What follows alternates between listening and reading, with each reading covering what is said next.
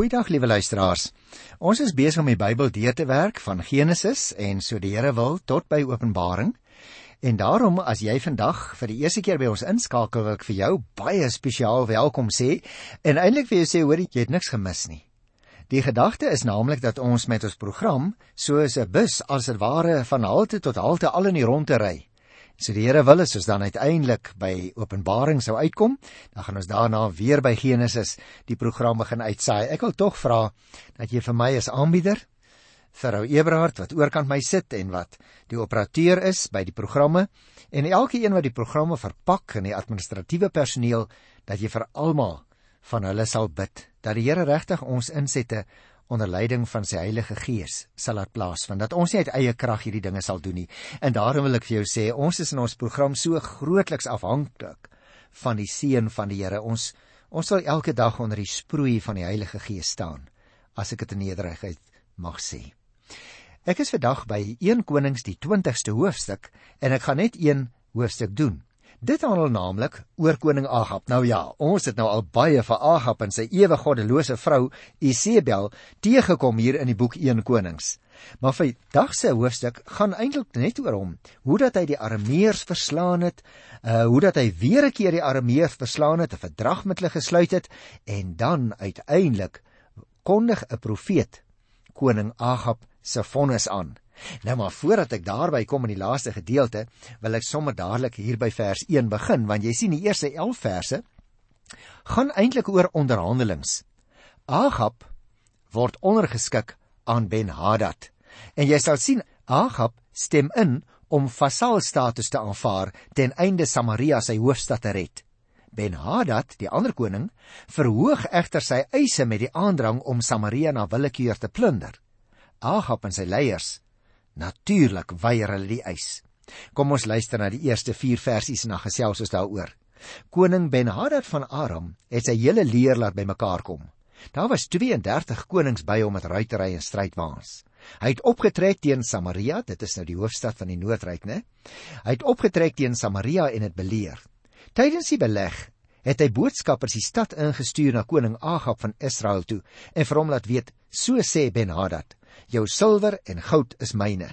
Jou mooiste vrouens en kinders is myne. Die koning van Israel het geantwoord: Dit is soos u majesteit sê. Ek en alles wat myne is, behoort aan u. Ek wil amper sê luisteraar, dis die eerste keer waar ons ou goddelose Agab so bedeesd vind, né? Want hy kyk so teen die heuwel af Samaria berg en hy sien hier op die wye Jesreel vlakte hierdie geweldige groot klomp uh, strydwaans en pere waarmee Ben-Hadad en sy manskappe hom tegemoet getrek het. Nou wil ek dadelik sê hierdie verhaal wek nogal by my die indruk dat Israel weinig meer as 'n vasaalstaat van Aram was. Koning Agab van Israel het iets verkeerd gedoen en Ben-Hadad van die staat Aram het besluit om teen hom op te tree. Nou moet ons natuurlik onthou, Ben-Hadad was 'n troonnaam en het die gedagte uitgedruk dat die nuwe koning 'n seun van die god Hadad is. Verskillende konings van Sirië dra eintlik hierdie naam in daardie tyd. Die vermelding van 32 konings verwys dus na konings wat oor klein koninkrykies geregeer het. Agab word in hierdie hele hoofstuk slegs 2 keer by die naam genoem, naamlik hier in vers 2 wat ek gelees het en ook by vers 13 wat ek so oor 'n klein rukkie gaan lees, terwyl voortdurend na die koning van Israel verwys word. Hy word nie by die naam genoem nie. En daar agter lyk dit vir my, liewe luisteraar, sit miskien iets van die skrywer se minagting. Sy afskuw eintlik wat hy van hierdie koning, naamlik Agab, gehad het. Ben-Hadad beleer nou koning Agab se hoofstad Samaria. En toe die inwoners na tyd uitgemergel is van die honger, stuur hy 'n aantal boodskappers na Agab toe. So sê Ben-Hadad, dit is die tipiese boodskapperstyl. Van Agab word die inhoud van die staatskas, dit wil sê silwer en goud en sy harem, na hulle word verwys as sy mooiste vrouens, geëis. Agab besluit nou baie wyslik om aan die eise te voldoen, want sodoende sou hy verseker dat sy eie lewe gespaar word en ook natuurlik terselfdertyd dat die stad nie geplunder sal word nie. Maar kom ons lees nou hier by vers 5 tot by vers 12 hoe hierdie gebeurtenis verder verloop.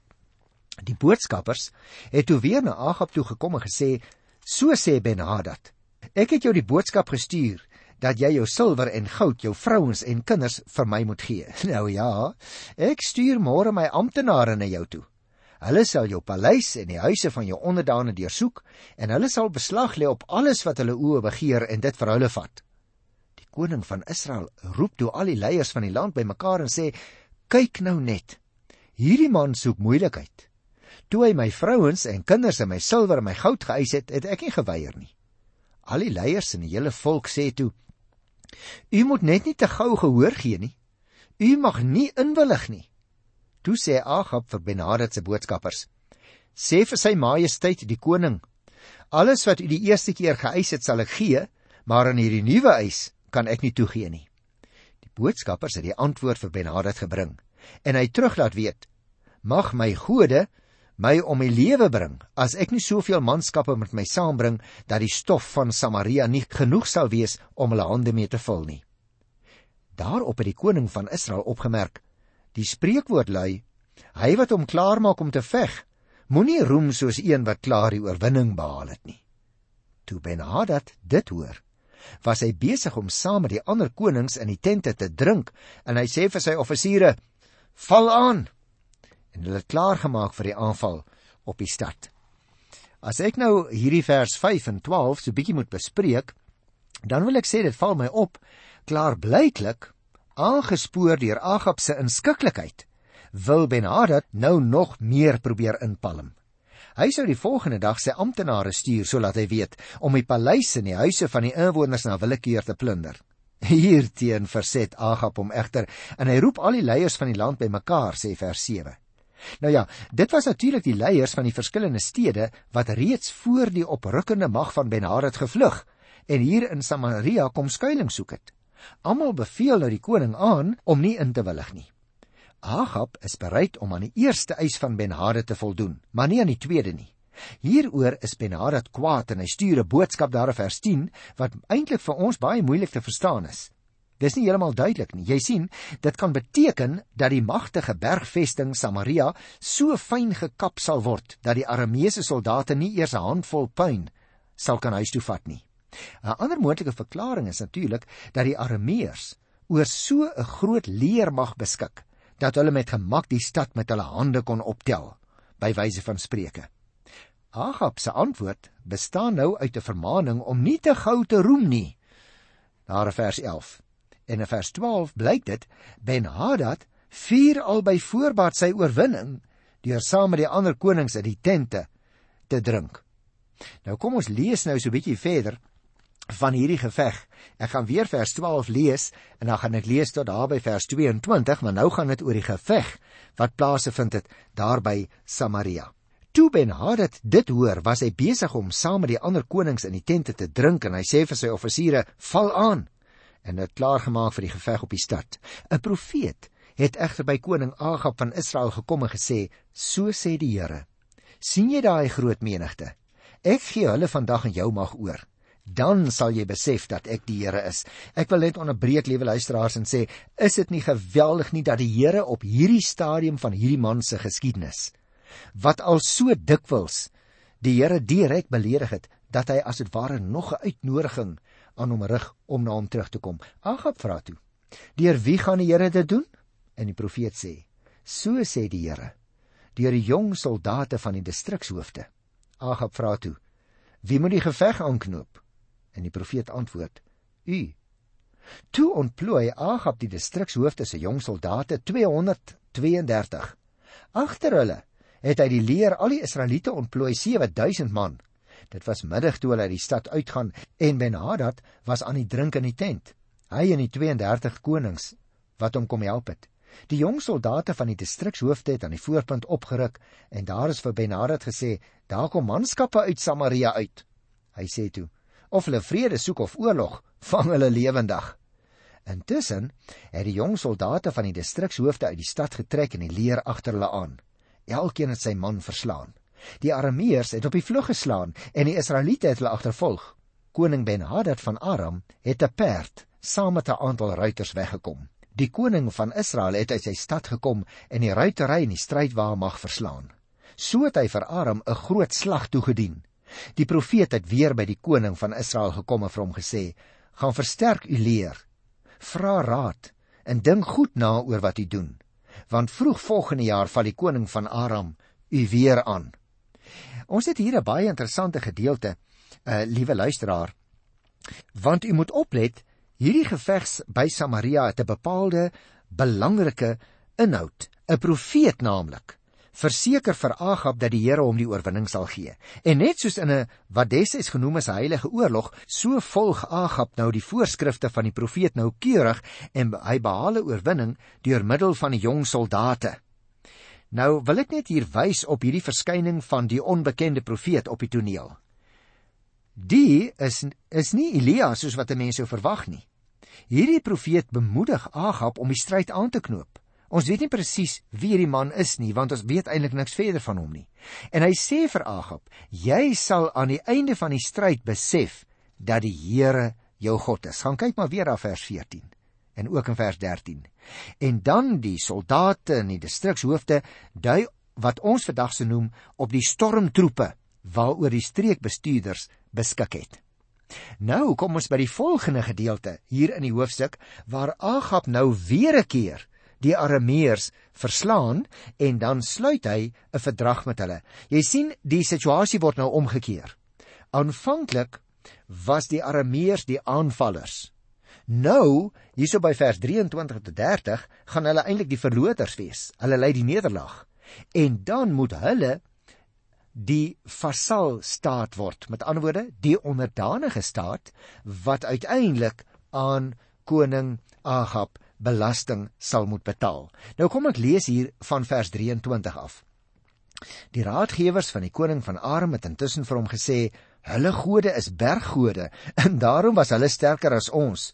Ons moet hulle in die vlakte pak, dan sal ons sterker wees as hulle. U moet so maak. Onthef al die konings van 'n verantwoordelikhede en stel goewerneurs in hulle plek aan.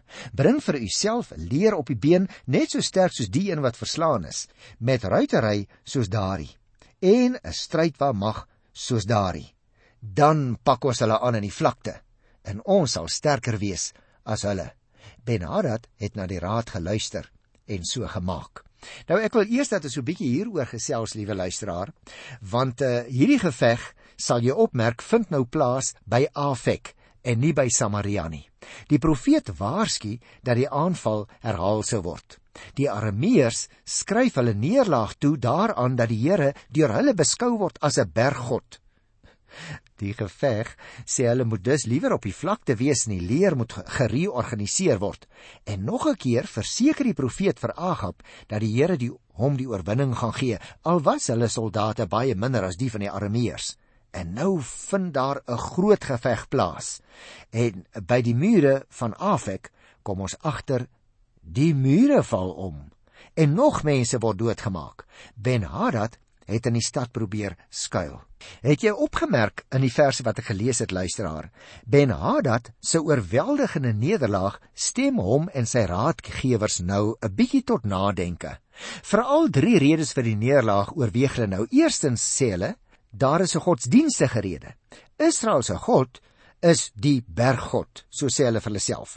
Dit was gevolglik swak strategie om Israel op hulle bergvesting Samaria aan te durf. Hulle moes eerder in die vlakte aangeval gewees het, so sê die armeeërs vir hulle self. Tweedens, moet die staatsopset verander.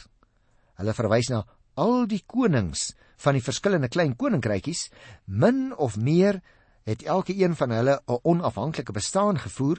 Hulle sê nou moet hulle vervang word deur goewerneurs wat dan aan die koning onderdanigheid en verantwoording verskuldig is. Miskien het hierdie konings vir Ben-Hadad tydens die eerste veldslag in die steek gelaat. Maar ons weet nie presies hoekom hulle hierdie reëling nou tref nie. Die punt is militêre aanpassings is dus die maatreel wat hulle in die derde plek as 'n nuwe maatreel wil tref.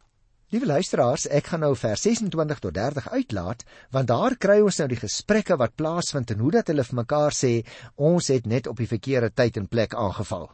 Nou lees ons van vers 31 tot 34. Sy soldate sê toe vir Ben-Hadad: Ons het gehoor die Israelitiese konings is genadig. Kom ons trek rou klere aan en bind toue om ons koppe en gee ons oor aan die koning Israel, miskien spaar hy u lewe. Hulle trek toe rou klere aan bind toue om hulle koppe, lewer hulle self uit aan die koning van Israel. Ben-Hadad onderwerp hom aan u, sê hulle. En hy vra dat u sy lewe moet spaar. Toe sê Agab: "Lewe hy nog? Hy's my broer." Die man het dit as 'n baie gunstige teken opgevat en haastig by sy opmerking aangesluit deur te sê: "Ben-Hadad is u broer." nou liewe luisteraar, kyk hoe skielik verander die hele situasie nou as dit ware in 'n oogwenk, want hier begin hulle nou onderhandel en probeer sê maar maar maar ons is eintlik baie ondergeskik aan u meneer die koning, meneer Agab op advies van sy soldate. Onderhandel Ben-Hadad dus vir begenadiging En verbasend genoeg, ek sê dit nooit van Agab verwag nie, stem Agab toe en hy aanvaar die voorwaardes wat baie ekonomiese voordele vir Samaria ingehou het. Met ander woorde, 'n plek van straf vir sy almatige houding vereer Agab as dit ware vir Ben-Hadad. Maar natuurlik hy besef self hy wat Agab is. Nou kan ek ook my soldate so bietjie spaar. En uh, daarom as 'n mens hierdie verse mooi bekyk wat ons nou gelees het, sien ons hoe dat Ben-Hadad wanhoopig vlug van kamer tot kamer daar in Afek. Ek gaan dit weer lees, luister. Sy soldate sê toe vir Ben-Hadad: Ons het gehoor die Israelitiese konings is genadig. Jy sien hoe dat hulle hom probeer oorhaal. Ben-Hadad onderwerp hom aan u. Onthou jy daardie woorde? Hoe dat hulle nou kom in die boodskap en sê, "Maar ons koning is bereid om heeltemal u onderdaan te word." Maar dan kom ons by die klompie laaste verse van hierdie hoofstuk waarby ek graag ook nog so bietjie sal wil stil staan. Want jy sien, hier van vers 35 af het ons die laaste gedeelte. Die opskrif daarvan is 'n profeet kondig Agab se vonnis aan. Ek gaan dit lees. 'n Profeet het in opdrag van die Here vir 'n vriend gesê: slaan my tog. Maar hy het geweier om hom te slaan. Toe sê die profeet vir hom: Jy was ongehoorsaam aan die opdrag van die Here, en daarom sal 'n leeu jou verskeur wanneer jy van my af weggaan. Toe hy van hom af weggegaan het, het 'n leeu hom op hom afgekom en hom verskeur. Die profeet kry toe iemand anders en sê: Slaan my tog. Hy het die profeet geslaan. Hy het homself stukkend geslaan. Die profeet het die koning by die pad gaan staan en inwag. Die profeet was onherkenbaar. Hy het 'n verband oor sy oë gehad. Toe die koning daarlangs kom, het hy die koning geroep en gesê: "Ek het oorlog toe gegaan. Daar het iemand 'n man na my toe gebring en gesê: "Pas hierdie man op. En as hy ontsnap, kom in sy plek of anders moet jy 34 kg silwer lewer." Maar ek was met ander dinge besig en toe ek kyk, is hy nie meer daar nie. Die koning van Israel sê toe vir hom: "Jy het jou eie vonnis gevel." Die profeet het die verband van sy oë afgeruk sodat die koning van Israel kon sien dat hy 'n profeet is. Hy sê toe vir die koning: "So sê die Here: Omdat jy die man wie se lewe ek geëis het, vry laat weggaan het, sal jou lewe in die plek van sy lewe kom en jou volk in die plek van sy volk." Toe het die koning van Israel bedruk en kwaad huis toe vertrek en in Samaria aangekom.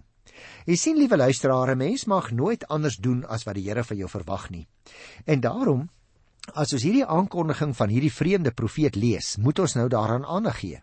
Die opdrag van die Here is mos iets baie ernstigs. Dit is die kern van hierdie vertelling. Die profeet en die koning moet voor die opdrag van die Here buig. Die profeet se oortreding is baie duidelik en ontbloot die bedekte oortreding van die koning. Uit vers 42 blyk dit dat Agab die banvloek op Ben-Hadad moes toegepas het. En jy sal onthou daar in Joshua 7 dog, reeds uit die geskiedenis van Akan en Saul, dit het ons ook gekry in 1 Samuel 15, moes daar geboet word omdat hulle nie die bepalinge van die banvloek nagekom het nie. Ook Agab en sy volk sal nou moet boet omdat hy nie die opdrag nagekom het en Ben-Hadad doodgemaak het en al die goed met die banvloek getref het nie. Nou is dit natuurlik vir ons as moderne mense moeilik verstaanbaar en so bietjie 'n vreemde verhaal. Jy sien 'n profete groep was nou ontevrede met Agab se behandeling van Ben-Hadad. Hulle was vas van oortuiging dat Agab hom te toegeeflik behandel het. En dit was immers so het hulle gedink, 'n heilige oorlog waarin die Here die oorwinning bewerkstellig het.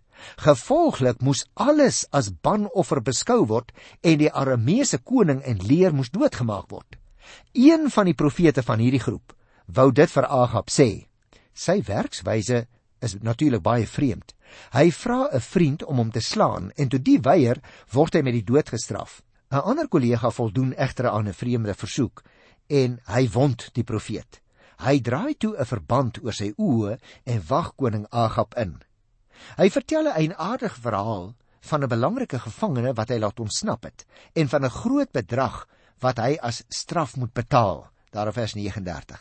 Nou die gevangene dui op Ben-Hadad wat vrygelaat is en Agab sal daarvoor met sy lewe boet in die tyd wat voorlê. Dit is die implikasie van die verhaal wat hy vertel.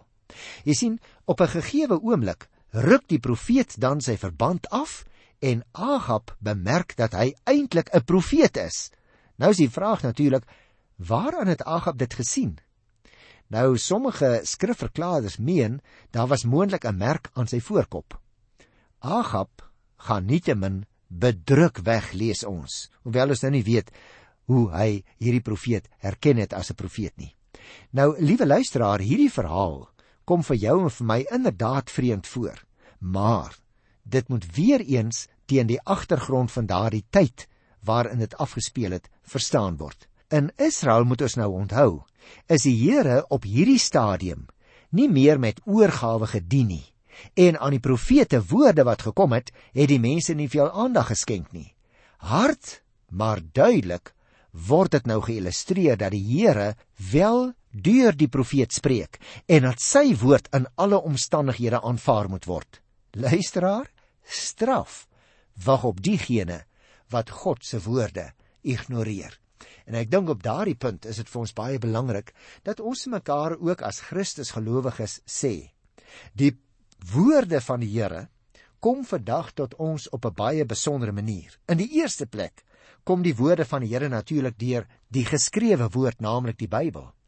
Die Here se woord kom ook soms tot ons deur predikers wat die woord van die Here uitlê of soms deur mense wat in 'n besondere sin die gawe van profesie ontvang het wanneer die Here 'n baie bepaalde saak pertinent op hulle harte lê om dit dan met jou en met my as gelowiges wat in die bank sit en luister na die boodskap deur te gee.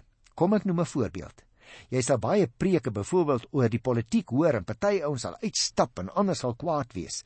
Maar dan kry jy 'n prediker wat 'n profetiese perspektief gee op die gebeure van die dag.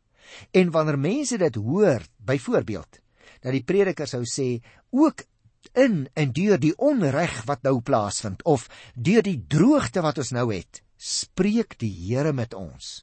Kom ons verootmoedig ons voor die Here. Dan kan jy beswaarlik weghardloop en sê dis polities. Met ander woorde, die profete woorde van God is vandag nog vir jou en vir my van betekenis. Ek groet jou tot volgende keer in die wonderlike naam van die Here wat sy woord lewend hou deur die werking van die Heilige Gees. Tot dan. Totsiens.